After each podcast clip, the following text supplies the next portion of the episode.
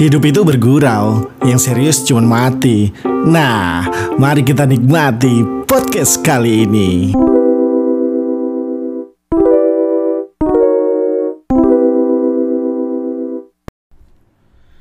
Assalamualaikum warahmatullahi wabarakatuh. Alhamdulillah.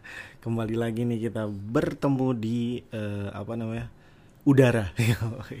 Mengudara. mengudara kembali mengudara melalui podcast Bang Gaber. Dan gue secara pribadi dan mungkin teman-teman juga mau ngucapin selamat eh, menunaikan ibadah puasa. Ya kan? Al- Alhamdulillah eh, walaupun kita lagi terserang wabah tapi COVID-19. COVID-19 tapi kita masih dikasih kesempatan untuk eh, melewati bulan Ramadan ini ya kan? Berarti ya kan beruntung banget. Nah udah tahu kan wabah ini katanya digadang-gadang menyebabkan kematian atau apalah.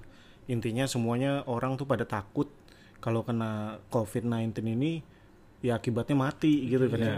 Nah, dibarengi kita melalui wabah ini juga melewati bulan Ramadan yang eh, kita sama-sama tahu bahwa bulan Ramadan ini bulan penuh ampunan, Betul. ya kan? Ya kalau lu takut apa nyawa lu terancam gara-gara wabah ini, ya ini kesempatannya nih. Pas di bulan Ramadan kita eh, apa Membenahi diri. membenahi diri eh, syukur-syukur bisa memohon ampunan ya menghapus dosa ya kan? Karena ini bulan penuh rahmat penuh maaf ya kan penuh berkah semuanya Amin. Ya, jadi eh, semoga kita jadi orang-orang yang beruntung lah bisa eh, bertemu dengan bulan Ramadan. Yoi. Nah kembali lagi dengan gua Bang Gabir dan ada Bang Da juga ada Richard. Ya kita sama-sama tahu di episode kemarin kalau Bang Da ini adalah driver yang eh, merangkap sebagai pengupas pengupas kelapa hijau ya kan? Dan juga si Richard sebagai ilustrator sepak bola. Enggak sih lebih Eh, luasnya olahraga olahraga, ya? Olahraga. Olahraga. Catur lu pernah gambar catur? Pernah lu pernah ya? pernah. cuma kotaknya ini nggak lengkap. Kotaknya kekurangan. Iya, Tapi biliar masuk olahraga ya, Pak? biliar Olahraga. termasuk. Olahraga. Ya? tangannya kan gerak. Mm-mm. olahraga. Ngusruk kelapa? Olahraga. Olahraga. Tangannya gerak. Karena karena di kayak di Eropa gitu ya kayak di entah negara Swiss, Rusia gitu-gitu tuh kan ada perlombaan kayak motong kayu gitu-gitu Oh pak. iya. Iya, betul. itu di YouTube gue sering nonton tuh kayak gitu-gitu. Ngelempar piring. Iya gitu-gitu. Ngelempar HP jadul tuh kan? Iya. jauh-jauhan. Ya gitu. Nah kita eh, masih dalam eh, apa namanya eh, serangan wabah COVID-19 ini ya kan Eh, ada kalian ada cerita-cerita atau mungkin dapat berita-berita terbaru atau gimana gitu yang bisa kita bahas nggak ada ya apa nih ya ada nggak Beritanya pasti itu-itu aja sih, Pak. Covid, Iya. Covid. PSBB paling PSBB. Hmm, diperluas kan eh udah diperluas diperpanjang iya Sama masalah itu tuh, Pak, gua ng- dengar konflik eh, tentang arti dari pulang kampung dan mudik yang lagi hangat kemarin ya yang baru hangat kemarin tuh. Ka- kan kata eh, Bapak Presiden kalau mudik sama pulang kampung itu ya beda. Beda. Ya kan kalau mudik ya pas lebaran. Lebaran. Kalau pulang kampung ya memang, Memang pulang, pulang. ke rumah Karena gitu. eh, keluarganya ada di kampung. Mm-mm. iya iya iya Jadi memang tinggalnya di kampung, dia kerja di Jakarta. kota, di Jakarta. merantau Yaitu ya orang-orang yang merantau ini ya pulang Pulang kampung. pulang kampung, kampung. Nah, kalau mudik definisinya bagi eh, Pak Jokowi adalah dia memang tinggalnya di Jakarta, tapi memang punya sanak saudara di, kampung. Jadi mudik. Mudik. Nah, nanti pas itu balik lagi ke rumah yaitu di kota. Gitu. Eh sebenarnya nggak salah sih. nggak salah Benar. Gua definisinya gua benar. gua setuju sama Pak Jokowi. Iya. Eh, mudik sama pulang kampung itu Berbeda. dibedain karena mudik hanya ada di Indonesia mungkin. Iya. nggak ada budaya mudik di- di iya, luar ya ada. di luar di luar mungkin di negara lain taunya ya pulang kampung Iya. gitu tapi mudik iya go home go to country. Ya country. Country road. Iya. nah di Indonesia doang yang ada mudik yang ibaratnya pas bulan apa pas hari raya Idul Fitri kita semuanya berbondong-bondong bersilaturahmi ke kampung halaman. Ya entah walaupun keluarganya udah nggak ada di sono tapi ya, ya pulang kampung aja Pulang udah. kampung aja. Nah, tetangga entah masih tetangga. entah dia apa traveling di kampungnya itu gimana. Tapi pada dasarnya yang tad yang tadinya tidak eh, ada niatan atau tidak ada tujuan ke kampung tapi karena adanya bulan Ramadan terus lebaran ya otomatis eh, latah Iya, pengen orang, pulang kampung. orang yang nggak punya kampung juga pengen pulang kampung Pak. Akhirnya, iya, nebeng sampai- kampung temen sampai gue juga pernah eh, dengar eh, cerita dari teman gue dia orang Betawi pak Mantap. saking dulu waktu zaman gua nongkrong waktu belum nikah bersama-sama belum nikah lu enak ber punya kampung. Be- ntar enak lu pulang kampung ya mudik. Lah gua mudiknya ke perbatasan mau ke Tangerang gitu ya kan. Kagak jauh-jauh amat gitu. Akhirnya dia dia punya cita-cita pengen punya kampung terus? Nikahlah dengan orang Jawa. Bener juga sih. Iya dia akhirnya nikah sama kalau nggak salah orang Malang tuh. Jadi dia uh, akhirnya bisa sekarang punya oke gue mau mudik. Mudik ke Malang aja sumbang Yoi. jadi terakhir tuh gue ngeliat fotonya di Bromo pak. Wah. gitu. sambil jalan-jalan. Gue curiga eh, bininya orang Tengger suku Tengger. Takutnya gaet, Pak. kayak iya. Gue curiga bininya bisa nyupir jeep. Lebih ma- maco ya lebih maco ya. Ya gitu loh. Nah eh, tentang COVID-19 lagi itu tadi tentang mudik sama Pulang kampung. pulang kampung perbedaannya. Ya sebenarnya intinya kita sepakat setuju ya dengan Setuju, Pak Jokowi ya. ya Najwa udahlah jangan dipertanyakan. Ya kan? Ya Cuman itu mungkin kalau menurut gue si Najwa ini mau apa ngelihat gimana cara milahnya kalau misalkan memang ada yang benar-benar mau mudik sama yang pulang kampung, Pak. iya penempatannya tadi Ah. sih kalau pulang kampung kan nggak harus lebaran. Iya, maksudnya pas Mudik uh, ya pas orang itu lebaran. ngaku dia beneran mau mau mudik nih, Ah. tapi bilangnya anggota keluarga saya di sana kok, Pak. iya Kita nggak ada yang tahu. ya intilin aja pak Mungkin yang dipertanyakan mata Najwa itu iya mungkin. berarti penyebutan salah penyebutan dari tapi kitanya tapi Iya. gue yakin tersaring senang sendirinya sih pak iya yang kalau memang punya rumah di sini gue yakin tidak ada punya niat ke Mudik gitu Kampung. ya. eh, ke kampung sih kalau kondisi kayak gini gue yakin yang benar-benar sekarang tuh lagi pada berbondong-bondong Kampung. ke kampung kan tadi tuh Lebak Bulus ya Iya, rame tuh Terminal Lebak terminal Bulus. terminal tuh rame Iya. terus katanya jalan tol juga penuh, penuh ya kan macet lah pokoknya iya tadi gue yakin itu jalan karena desakan juga desakan karena gue eh, Di karena kan Jakarta. eh, katanya kan eh, gubernur kita Pak Anies kan Iya. eh, memperpanjang lagi Iya. ya masa eh, PSBB-nya. Sampai 22 Mei 22 Iya. Mei. Nah, ya mereka kan kalut. Gue ngapain di sini? Iya. nggak ada kerjaan, nggak nggak ngapa-ngapain. Keluarga gue di Kampung, kampung, ya mendingan gue pulang kampung lebih awal atau gimana ya kan? Mungkin eh, planningnya saat Ramadan ini mereka pengen meraup untung di kota. Karena kita tahu sendirilah kita Iya. pas lagi Ramadan gini lagi hedon hedonnya ya kan Takjil. apa aja dibeli ya takjil. kan Heeh. ya kan es wah lu bisa tuh pak usaha Es mecah kepal. es Apa? kelapa. Oh, es kelapa pak. Es, ke, es kepal kelapa. Kan kemarin es kepal Milo. Mm-mm. nah gue juga sempet kemar semalam itu gue baca ya pak ya. Jadi kayak eh, berita berita yang lebih spesifik sepertinya kayak eh, umat Islam.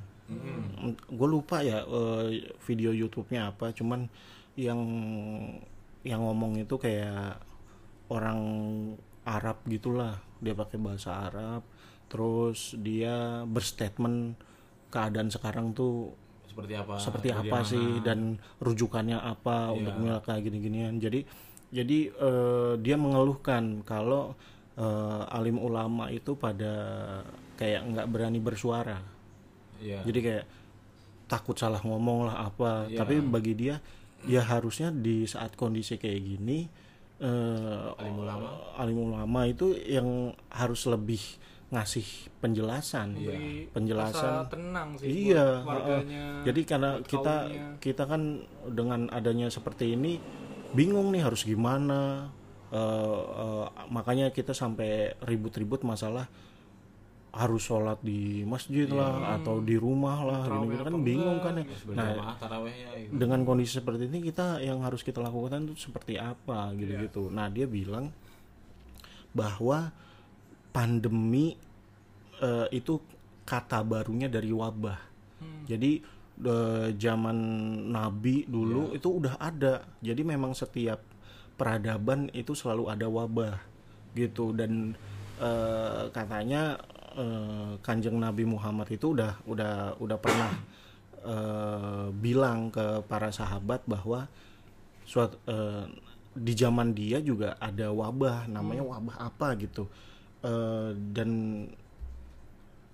coba gue gue pengen tanya ke kalian dulu. Hmm. Eh, apa kan kita eh, cara menangani wabah pandemi COVID-19 ini kan dengan lockdown gitulah social Iya. distancing atau yang gue tahu kalau ya. di sini PSBB lah tapi kalau di Wuhan itu katanya lockdown terus di Itali lockdown gitu nah yang yang mikirin oh caranya lockdown itu siapa gitu kalau gue ya karena gue baru tahu juga kata-kata lockdown hmm. ya mungkin baru ya dari pemerintah sih ngerti istilah lockdown tuh kayak gini terus gue baru tahu kalau lockdown tuh benar-benar ada tahapannya Ah, langsung berk lockdown yang terkewas juga kan Iya, maksudnya India. Eh, maksudnya aku kena- kenapa jadi kepikiran eh, entah atau ada udah ada penelitiannya sebelumnya atau gimana. Jadi kayak eh, cara menangani eh, wabah. seperti ini ya kita harus diam di rumah nggak boleh keluar dari kota apa gini gini gini ya kan? Hmm, nah itu itu jujur jadi pertanyaan gua anjay si jenius seperti apa nih yang kepikiran bahwa Kepikiran, itu iya bi- biar nggak nyebar. Yoi, biar nggak nyebar gimana gitu-gitu. Iya, Ya karena di di Wuhan berhasil itu pak. nah Wuhan terinspirasi siapa? Itu. Iya ya. ya kan? Iya dong. Pasti ada yang mencetuskan kenapa Harus Wuhan lockdown. harus di lockdown Yoi. nih gitu. Ya kan? Ya karena kan virusnya itu menyebar dari manusia ke manusia pak. Iya nah Dengan sangat gampang gitu lah maksudnya. Oh. Nah, makanya dia mem- membatasi eh, apa namanya kontak Kontak fisik kontak gitu, gitu fisik ya atau atau membatasi mobilitas negaranya dia. Mm-mm. Karena kan Wuhan itu benar-benar ya namanya negara sana kan padat ya pak. Iya, Jadi dia padat membatasi banget. mobilitasnya itu ya dengan cara itu lockdown. di lockdown gitu ya Iya, ya kan cara- mungkin ada cara lain misalnya lu harus pakai baju atau jas hujan gitu-gitu. Baju astronot. Heeh. ya kan bisa aja gitu pakai pak. tabung oksigen. Kan bisa oke tetap tetap beraktivitas tapi jangan salaman jangan Ya. sentuhan. Bisa aja pak. Eh, tapi ini kenapa dikas di dibikin keputusan lu di rumah aja. Lu jangan beraktivitas udah. Eh, itu kan sampai Wuhan sepi tuh ya kan? Iya. Hmm, udah benar-benar kayak kota mati ya kan bingung. Ya gimana ya? Maksudnya waktu dia mungkin waktu itu Wuhan belum tahu pak. Heeh. Kalau menurut gua dia kan waktu itu berasumsi kalau virus ini bisa menyebar melalui udara. ya malah Malah, eh, asumsi dia. harusnya kan terus eh, di Kata WHO. kata WHO kan enggak, ternyata kan enggak. Memang enggak ada masalah. WHO juga pelin pelan pak. Kadang ngasih. Kemarin kan sempat ada tuh yang katanya berterbangan selama tiga jam. Terus Iya. tiba-tiba ada artikel lagi bahwa tidak. Tidak ada. karena ternyata berterbangannya ada ya ah berterbangannya itu ya di di rumah sakitnya. Iya. justru di rumah sakit ya pantas lah orang itu semua kan korban di situ. Di Dia situ, pasti berterbangan. Ya gue gue juga penasaran pas sampai gue akhirnya eh, nyari lah Eh, ya memang dengan kebodohan gue gitu ya ya masih tahapnya googling googling gitu pak. sampai gue nemuin ternyata eh, Nabi Muhammad itu pernah pernah pernah eh, bukan mengalami tapi ngomong lah ke para sahabat. eh, yang ibaratnya bunyinya itu jika kalian mendengar wabah melanda suatu negeri nah berarti kan kayak sama banget kayak kondisi kita Iya, sekarang iya. gitu dia dia cakupannya negeri pak besar berarti dunia itu Oh, oh. Jadi dan dan dan bahasa eh, Nabi itu ya itu wabah gitu yang menyebar secara global gitu. Jadi dia bilang jika kalian mendengar wabah melanda suatu negeri, maka jangan kalian memasukinya. Jadi misalnya Wuhan nih, Wuhan lagi kena Wabah. wabah, lalu jangan ke situ. Itu istilah Na- lockdown Nabi udah udah nganjurin, Udah nganjurin. itu dari zaman dulu gitu. Terus dan jika kalian berada di daerah itu, janganlah kalian keluar untuk lari darinya.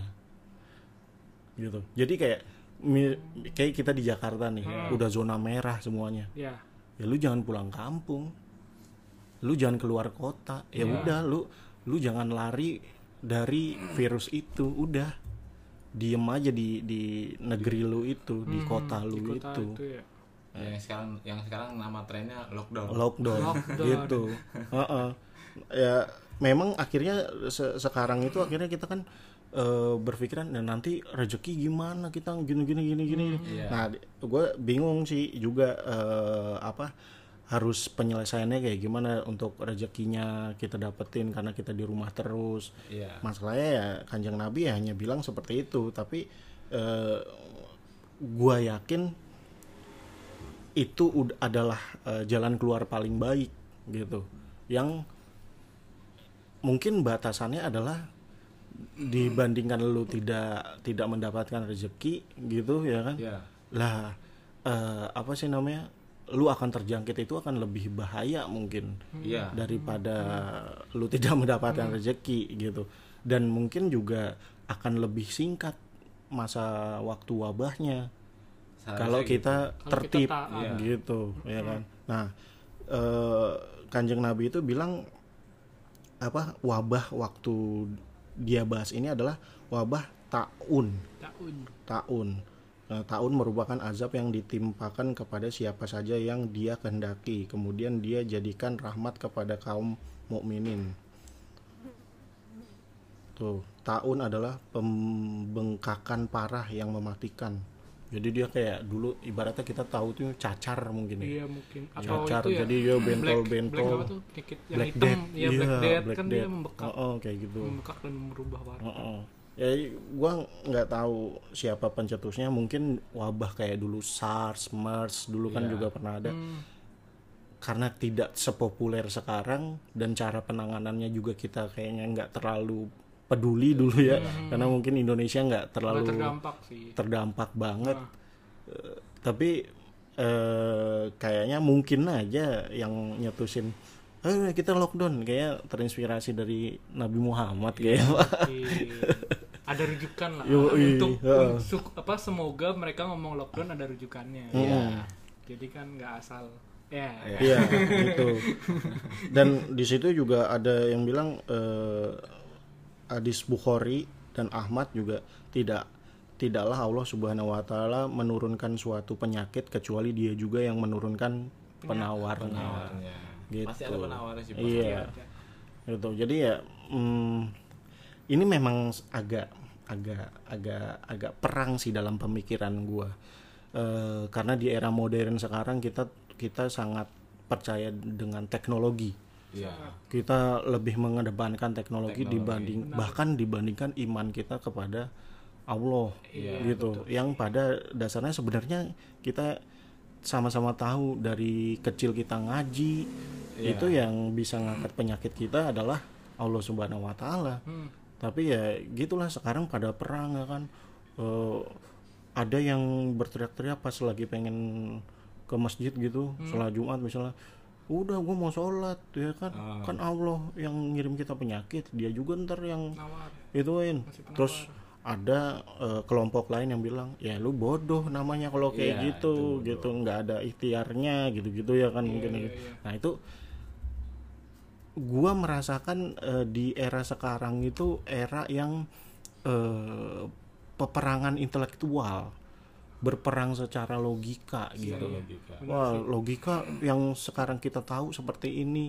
Jadi logika usang yang tentang keimanan itu disa- dianggap ya lu ketinggalan zaman atau ya lu kayak gitu masih aja lu gitu-gitu. bacanya plek-plekan banget gitu. Yoi, iya. terus dibilang ya kalau mati gue yang mati ya kan biarlah gue mati karena virus yang dikasih Allah ya kan gitu-gitu. Terus ad- dijawab lagi ya lu mati mah sendiri bodoh amat cuman kan lu nularin gitu. Itu yang jadi masalahnya. Iya. Ya kalau lu mau mati sekarang ya sini aja mendingan gue tembak gitu. Ya, konyol. Yoi, kayak gitulah. Nah itu itu sempet eh, semalam gua sambil gua nggak bisa tidur gitu pak ya. Ya akhirnya gua searching searching dan nemu kayak gitunya gitu. Jadi memang wabah itu eh, menjadi eh, apa masalah di setiap peradaban. betul Jadi jadi eh, entah sekarang kan katanya kan wabah ini katanya ciptaan manusia iya sih. Kayak di eh, apa, teori konspirasinya kayak gitu kan. Ntar tujuannya untuk inilah untuk itulah gini-gini. Cuman cuman ya nggak tahu kenapa iman gue masih ngerasa ya ini memang cobaan untuk kita. Karena gue kemarin juga ngobrol sama bokap gue wabah ini bisa jadi dua bisa jadi dua arti. Hmm. ya cobaan untuk orang yang beriman musibah untuk orang yang lalai ibaratnya gitu. Ya G- gimana lu mem- meng- apa namanya eh, menempatkan diri lu sebagai orang beriman apa orang yang lalai gitu. Ya kan? ada tanggapan pak? Saya belajar nih pak. Saya belajar dari bapak ini. Iya ini. Ya tapi gue kembali kayak tadi eh, harus memang harus di rumah harus lockdown terus Hmm. ada yang ngeluh. Ya kalau di rumah terus gue gimana mau eh, dapat rezekinya. Iya. Ya ini kalau pikiran gue aja ya. Iya. Ya rezeki kan udah ada yang ngatur bos. Yoi. Ya. Ya maksudnya yang lu nggak selama di kandungan 9 bulan pun kan lu nggak nyari duit di dalam itu. Mhm. iya rezeki benar. udah ada yang benar-benar benar melalui apa pun itu ya reze- rezeki kan kalau menurut gua ya bukan berupa uang aja kalau Iya. rezeki itu. Rezeki sehat. Rezeki sehat kita nggak kena wabah itu menurut gua rezeki banget sih. Iya. Betul. Se- sebenarnya eh gua mm, eh, waduh waduh, apa tuh ya di sini memang zona konflik ya pak ya kadang emang kucing suka berantem gitu. kucing berantem perebutan wilayah ya kan lalu dikencingin Yo, itu wilayah gua nih udah kencingin. Oh, enggak gua juga kencing di sini. gitu. Yang kalau di sosial media katanya eh, kucing paling sangar itu kucing oranye. iya Di sini enggak. di sini enggak White cat, kucing Kacau. putih, Parah, Pak. Yo, sehari nggak gangguin kucing yang lain nah, gelisah dia pak Kembali lagi ke apa? listrik pak Ini namanya di perebutan distrik. iya benar-benar ngerokok dulu.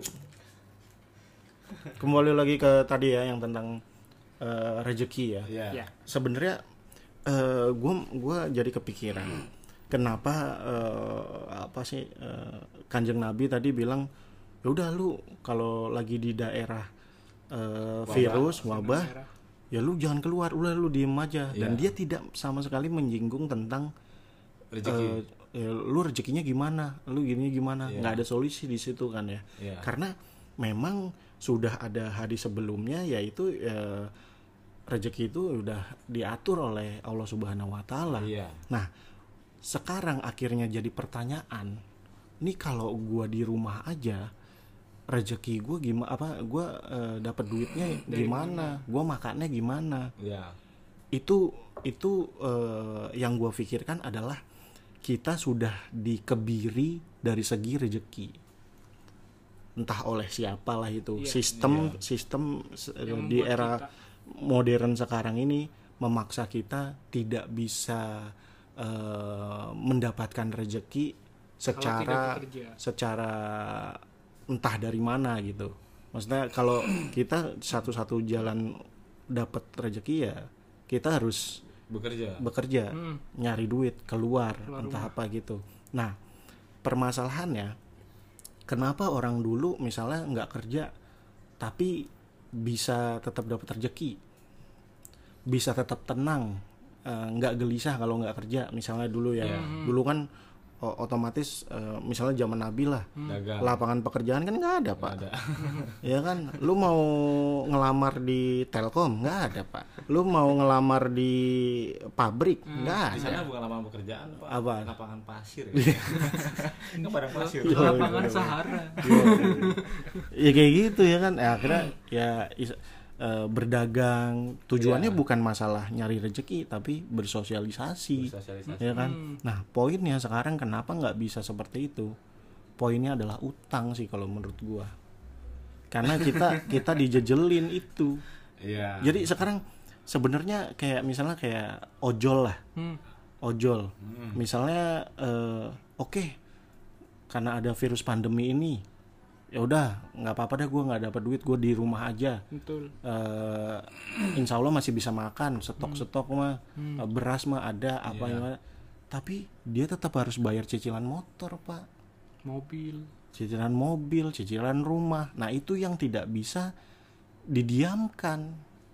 Kan pemerintah juga udah mensosialisasikan masalah masalah peng- pengkreditan eh itu kan awalnya kan gitu kan. Iya satu tahun kalau nggak salah. Iya satu tahun, tapi belakangan ini diklarifikasi lagi katanya yang kena corona doang. iya. Kan katanya kena corona. Eh, Berarti- masa kita harus mencemplung pak menyemplungkan ya diri. Gimana ya? Makanya ke mereka tetap narik biar nyemplung. Iya. Gue sih ngelihatnya kayak gitu gitu. Entah kalau pendapat kalian kayak gimana, karena ya ya akhirnya eh, misalnya kayak gue, alhamdulillah gue maksudnya nggak ada tunggakan apa-apa. Ya udah nyantai aja gue. Gue nggak ada penghasilan juga apa-apa. Yang penting ada. Gue bilang ke bini gue, beras ada, ada. garam ada garam garam ada ada gitu, Bawang, gitu. bawang, Ya kan, bawang ada gitu gitu yang penting bahan makanan aja dulu gitu Eh, cabai emang bisa kita tanam lah di pot ya gitu intinya survive untuk Diri eh, bertahan hidup. bertahan hidup aja yang penting biar kita tetap hidup apa? Makan minum Ya. ya kan? Alhamdulillah air masih bisa kita rebus gitu ya kan? Nggak beli ya kan? Kayak tukang nasi goreng. Udah matang nasi digoreng. Iya. salah pak. Yang salah tukang Tukang rujak. buah tukang rujak ya akuarium diisi buah Nah, gitu ada aja jokes kayak gitu. Iya. ya seperti itu pak. Kalau gua nanggepinnya entah lu pendapatnya kayak gimana. Jadi sekarang kayak ya nggak bisa berdiam diri aja. Sedangkan eh, tanggungan gue banyak. Nah itu yang menjadikan eh, apa eh, kesenjangan sosial itu berasa. Yang kaya yang bisa tenang bisa di rumah aja dengan tabungannya dia. Tapi yang rakyat-rakyat kecil ini yang akhirnya berteriak yang akhirnya eh, berani dan bahkan abai bahkan nggak peduli tentang ah bodo amat lah covid mah gitu. Kalau mati ya mati lah Iya gitu. mati mati lah yang penting gue nyari duit gitu, lah. iya. mati tunggakan Heeh. lunas. Daripada gue didatengin debt collector terus gitu. Ya gitu kalau kalau yang gue lihat sih kayak gitu. Ada tanggapan? Ya di kebetulan waktu di zamannya kanjeng nabi kan memang nggak ada yang masalah seperti itu kayaknya pak ya. Karena utang piutang mah sebenarnya ada. Utang piutang ada. Ada. Cuma kan yang dibilang riba itu? Ya itu. Dan tapi masalahnya di kanjeng nabi mungkin ya ini ini pengetahuan gue yang cetek ini ya. Eh, mungkin di zaman kanjeng nabi kita masih bisa memilih. Kita punya pilihan. Hmm. Lu mau ngutang atau tidak. Ya ya kan? Sampai akhirnya lu jangan ngut- eh, lu jangan dekati riba. Ya ya kan? Eh, tapi mereka masih punya pilihan. Oke gua nggak mau lah riba. Oke gua nggak mau lah utang. Oh, gitu gitu tapi kalau di era kita sekarang mau karena kanjeng nabi juga kalau nggak gua nggak salah dengar juga pernah ada dia hadisnya eh, nanti eh, ada zaman eh, bahwa umatku nanti tidak akan bisa lepas dari riba. riba. Oh, oh. Walaupun terkena eh, cipratannya gitu. Lu mau jauhin tuh nggak bisa. Lu akan tetap kena cipratannya lah ibaratnya. Dan gua ngerasa ya di era sekarang lah kita yang eh, kita nggak ada pilihan selain kita harus terjun untuk ngutang, Ngutang. untuk riba. Sekarang kayak kayak kayak kayak eh, kita hidup di Jakarta, Hmm. ya kan? Gimana caranya lu bisa punya motor kalau nggak ngutang, kalau nggak nyicil, ya kan? Iya. Masa ya mesti ngumpulin duit berbulan-bulan. Iya, Susah. sedangkan sedangkan motor ini kebutuhan vital. Iya. Lu nggak bisa kerja kalau lu nggak punya motor. Masuk penunjang situ pak. Yo, iya, penunjang itu udah udah Biar jadi nyampe, pokok iya. gitu ya kan. Nah, tapi cara lu punya motor gimana? Nah, lu nggak ada duit, Awal-awal. ya kan? Awal-awal eh pasti nah dengan mudahnya lah kita dijajelin dengan nih ada angsuran DP segini-segini. murah. Bahkan kayak nyokap gua anehnya ya, nyokap gua waktu itu eh, pengen beli motor Hmm. cash. Iya. Dia udah udah ada tabungannya. Iya. Malah dipersulit. Karena jadi karena cash. eh, karena cash karena cash justru wah ini bu eh, berarti kalau kalau kayak kalau cash nanti ada stoknya sendiri wah ini nggak bisa inden Iya. gini gini gini ya gitu karena ini udah dibeli sama bank katanya gitu iya sih. Iya iya iya. Iya. jadi kita nggak nggak nggak nggak punya stok yang siap Ready Yang untuk ready. dibawa pulang. eh, apa namanya Dengan ren ya apa sih Ryan ya apa sih Ryan ya. iya Ryan, Ryan. udah siap dibawa lah gitu Hmm. nah gitu akhirnya gua paksa gua paksa gua debat gini gini gini sama mbak mbaknya ya inilah lu kasihan mama saya udah nabung dari kapan tahu Ah, akhirnya ya udah bisa gitu gitu nggak inden tapi itu jadinya. Ya eh, dua hari setelahnya akhirnya dikirim Tetap gitu nggak nggak ja- jadi nggak bisa nggak bisa hari itu lu iya, bawa iya. kan kalau kalau kalau ke sistem kredit kan lu Mm-mm. tanda tangan ngurus DP sore bisa ngambil Iya, motor. Iya, langsung. langsung ditawarin malah mau diantar kapan? Iya. Jadi jadi jadi gua ngelihatnya sekarang seperti itu Hmm, hmm, gitu pak. Eh, cuan sih pak. cuan iya. Jadi orang tuh bu- butuh duit bukan sekedar untuk makan sebenarnya. Ya. gue gue yakin tuh yang bilang e, kalau gue nggak keluar gue makan apa? Ya lu kayak nggak punya tetangga gitu ya kan? Ya lu kayak nggak pernah yasinan Ya kan? lu punya duit juga wah ada tahlilan Mungkin dong kalau yang nggak ngerti di sana ya, Iya. tahlilan itu dapat makan. Ayo, Kalau yang suka ngerokok dapat rokok. iya dapat rokok nggak punya duit kita ber- bergembiralah di sosial yang seperti ini gitu kan wah ada tahlilan loh Eh ada pak. Kalau di Jakarta mungkin tahlilan udah nggak ada pak. Apa dong? Kan nggak boleh.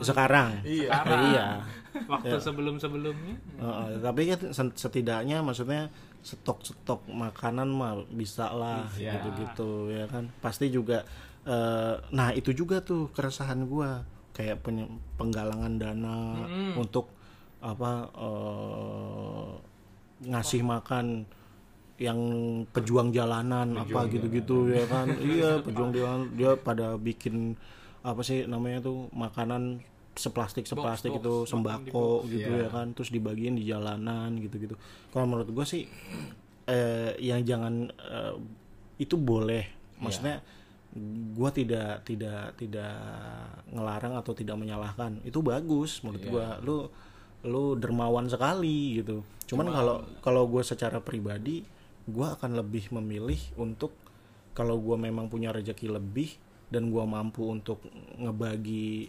makanan gitu gue mendingan ke tetangga dekat dulu gitu. Jadi ng- ngapain gue jauh-jauh gitu kan Karena yang gue nggak kenal gitu ya kan. Eh nggak apa-apa selalu Nah, jadi eh, keran air kita bunyinya seperti ini. Gitu. Mantap. ada ada ada ada yang insight yang bisa kita bahas lagi pak Apa ya? Ini gua aja belajar, Pak. Gara-gara belajar apa maksudnya kok belajar sih Ya beberapa ada yang gue baru tahu Iya. karena gue kurang membaca juga mungkin hmm. lebih melihat sosmed, Nih. nonton. Ini gue dapat artikel lagi nih Pak.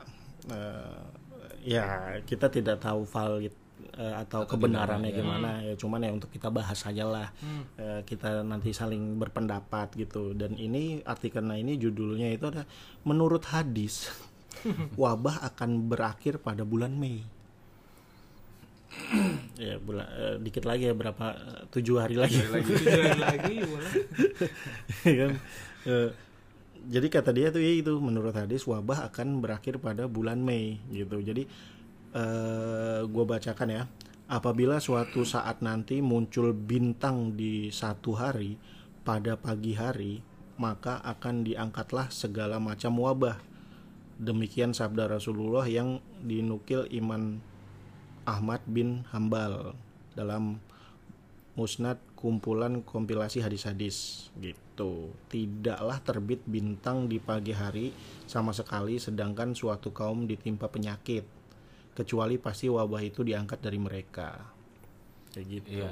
Jadi ada hadis-hadisnya gitu. Gua nggak gua belum ngecek itu hadisnya sohi atau enggak. Hmm. Cuman eh, saat gue baca ini nih gue aminin aja sih pak Iya. Ya, pasti kita aminin pak karena itu Hal yang terbaik hal lah. yang terbaik Iya. Hal yang kita terbaik berharap banget sih amin. Heeh. kan kita akhirnya nanti bisa apa namanya pas bulan Ram- puasa kayak gini ya kan? Ya. Hmm. hal yang paling menyenangkan kan ngabuburit pak. Ngabuburit. Terus Itu kalau kita lockdown kayak gini ya kan di rumah aja Hmm. yalah kagak bisa beli gorengan. Ngabuburit kan ke tetangga kali pak. Ngabuburit online apa ya? masa nggak makan gorengan sama sambal kacang pak? Waduh. itu buka puasa. gue punya gue punya jadwal tersendiri sih pas sama Ramadan nanti. Apa, apa tuh? tuh? Ngabuburit gue main food. Iya iya iya. Betul juga sih. Tapi makin bete sih.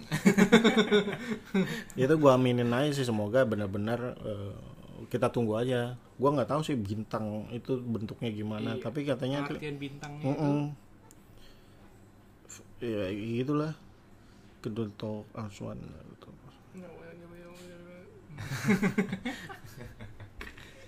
Iya pak, yang, yang penting kita ngambilin aja kita memang selalu oh, pengennya sih biar cepat berakhir lah. Iya. Mm. Mau apa pun tuh caranya Jadi itu normal kembali. normal kembali. tapi gue juga ada sisi positifnya juga sih kalau selama Ramadan ini kita di rumah aja terus eh, ada pandemi ini gitu ya gue ngerasa puasa kita eh, ibadah puasa kita itu akan jadi lebih mudah seharusnya Iya. karena ya lu di rumah Berdiam aja diri kan. kan. kagak macet-macetan kagak emosi Iya. jadinya kan Dulu waktu masih kerja pasti lu ngeluh. Heeh. Ngeluh. Puasa kerja lagi. iya Sekarang dikasih Sekarang libur, dikasih awas libur, aja lu. libur. kasih enak iya ya kan Ya intinya sekarang lu banyak-banyak nyari ini deh, nyari Al-Qur'an yang kecil-kecil buat baca di rumah. Iya, buat bacaan, buat bacaan. Oh, oh. Download bisa sekarang download juga. Oh iya, ada aplikasi ya Al-Qur'an itu ada. jadi yang mengeluhkan tentang wah pendapatan turun Iya. ya alhamdulillah kita langsung melewati bulan Ramadan Betul. gitu yang uh, biasanya makan tiga kali sehari Ini jadi dua kali, Dua kali. Dua kali gitu sehari. jangan lebay aja gitu Masalahnya yang bikin pendapatannya makin menurun waktu Hmm. Ramadan kan waktu buka, Pak. iya. Barbar. nah itu nah sebenarnya sebenarnya itu jadi jadi apa ya aneh sih menurut gua jadi apa bertentangan dengan semangat puasa itu sendiri Hmm. kalau puasa-puasa eh, yang lalu-lalu gitu Iya, ya iya. kalau misalnya kita lagi kerja nih Hmm. pulang jam 4 misalnya ya kan Hmm, oh pulang eh pulang Yo, pulang. tujuannya misalnya pulang dulu lah Iya, ya kan Biar mau buka di rumah. buka di gitu. rumah ya kan Hmm. akhirnya karena punya tujuan pulang di rumah ke ke rumah Iya. biar buka di rumah itu akhirnya dia ngebut Hmm. pas ngebut macet pas macet wah emosi Aduh, dia emosi. wah gua harus pulang duluan nih berantem lah nah menurut gua pada dasarnya kan poinnya adalah kalau lu puasa itu adalah menahan nafsu Menahan nafsu. Bener, nah. Betul. menahan nafsu bukan masalah menahan nafsu makan, Makan dan dan minum, minum. doang Ya. Lu pengen buka di rumah itu adalah nafsu kalau menurut Betul. Padahal bisa lu buka di mana aja jadi buka di mana aja Makannya nanti lanjut di rumah. karena karena Ya. berarti dengan lu pengen buka di rumah terus lu mem- memaksakan itu sampai akhirnya lu uh, ugal-ugalan di jalan Iya. gitu ya kan terus lu akhirnya timbulnya bete Hmm. di jalan karena nggak nyampe ya itu lu berarti tidak menahan nafsu namanya. Gua nggak tahu udah pahala puasa lu gimana gitu ya gitu pak. Nah dan yang gak usah neko terus kayak misalnya wah nanti pas lebaran eh, apa harus beli baju apa karena dapat THR. iya gitu-gitu. Lah itu bentuk dari nafsu juga sih. Kalau Siapa yang mulai-mulai itu pak ya? Hah? Kalau lebaran seragamnya harus sama satu keluarga. Wah, itu tuh Kenapa ya? ya gue yakin dari bapaknya sih Dari bapak. satu keluarga itu eh, yang menyetuskan kita seragam aja gue yakin bapaknya itu memang hobi banget nonton bola Kalau kurang 11 cari lagi pak. iya Kita satu karena seragam pak seragam pak. atau bisa jadi doi PNS Biasa ke mana-mana seragam. Seragam, Kok waktu lebaran seragam. kayaknya nggak enak banget ada yang seragam. atau bisa jadi eh, satu keluarga itu eh, ibunya atau bokapnya itu guru BP yang kalau wah lu kok kagak pakai seragam Lu dapat poin. yo Itu berarti masih untung ya kalau bokapnya yang cetus ya. Kalau Iya. misalkan anaknya yang ngide pak. waduh iya ya. Pak, Misahin. lebaran kita ini kita mau seragam pak. Boleh nak? Seragam apa? Seragam SD pak. ribet ya Ribet. kudu beli lagi bokap nyokapnya Nah, bokapnya masa berkumis tapi pakai baju SD pak. Gue Tapi- bingung nyari dasinya sih pak. Ta- tapi kalau anak gue minta kayak gitu gue pengen sih pak nostalgia, aja Nostalgia. pak iya Wah, juga gue pak. gue dulu SD begini ya. Jadi mungkin itu cita-cita anaknya. Gue pengen tahu nih bokap gue dulu gimana SD. Gitu kali pak. Boleh. iya. Boleh. Oh, ternyata dulu bokap gue SD Culun. kaos kakinya dipakein karet biar nggak melorot. Nggak kos kakinya sampai atas tinggi banget kayak kos kaki bola. Iya, itu cewek kalau Oh, cewek. itu. Heeh. Buat nutupin ini Kalau cowok Baut. malah pengennya nggak kelihatan kaos kakinya. Iya. beda ya. Oh, digombong gimana emang Cat? Digomong tinggi sebelah. Ya dulu tuh gue kalau kaos kaki apa jatuh-jatuh, maksudnya ke bawah lagi bawah lagi diikat pakai karet. Pakai karet. Iya. Karena karet baru karet dari kaos kakinya itu sendiri udah kendor. Udah belel. Iya. nah itu tadi pembahasan kita ya. Ada lagi nggak yang lu tahu gitu? Apa ya? Banyak banget sih pak. Kalau covid ini pak, masalah-masalah itu banyak banget Oh. gua. Ya eh, bermacam-macam lah. Ada yang masalah nyari rezeki gimana, ada yang Hmm. masalah nih puasa kita ngabuburitnya gimana, Hmm. macam-macam lah. Cari bukaan gimana? Iya. Kalau Iya. anak kos ya kan. Ya itulah maksudnya eh, gue juga nggak bisa memungkiri sih karena memang hidup di zaman sekarang pak. Iya. Jadi akhirnya keinginan itu lebih kita dahulukan dibandingkan eh, dampak oh, dampak. dampak yang akan terjadi Iya, iya, iya. untuk kita. Terlepas dari katanya ini COVID-19 ini adalah konspirasi global lah, ini apalah, ini Hmm. apalah.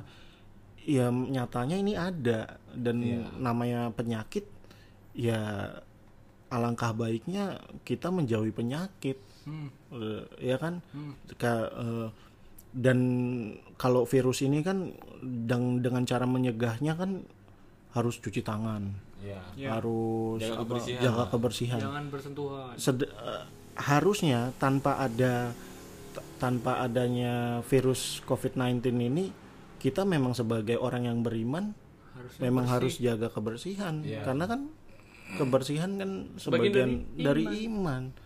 gitu jadi kalau lu orang beriman harusnya lu nggak kena covid Ya, Kalau karena masalah kebersihan itu memang udah ada dari zaman kapan tahu. Yo, Zaman kakek iya. juga pun Hmm. eh, nggak tahu ya gue baca di ada di artikel itu Hmm.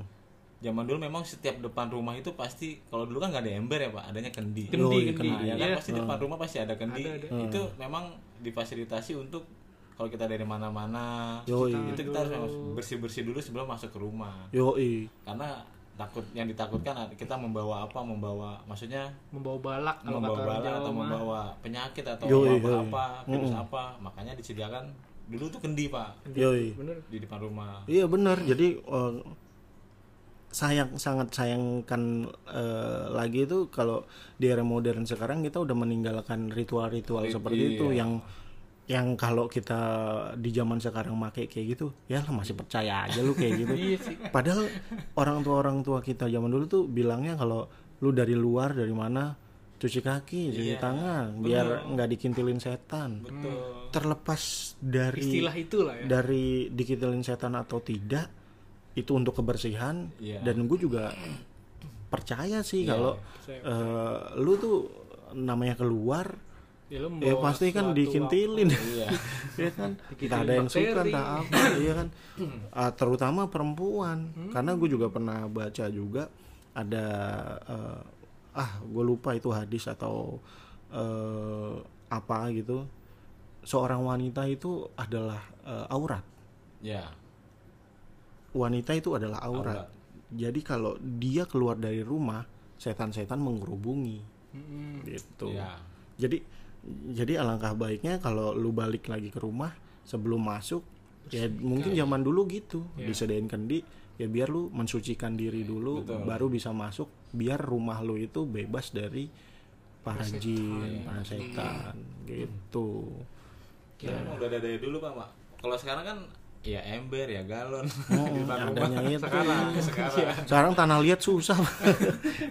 Adanya tanah denger. ya. Tanah denger. gitu.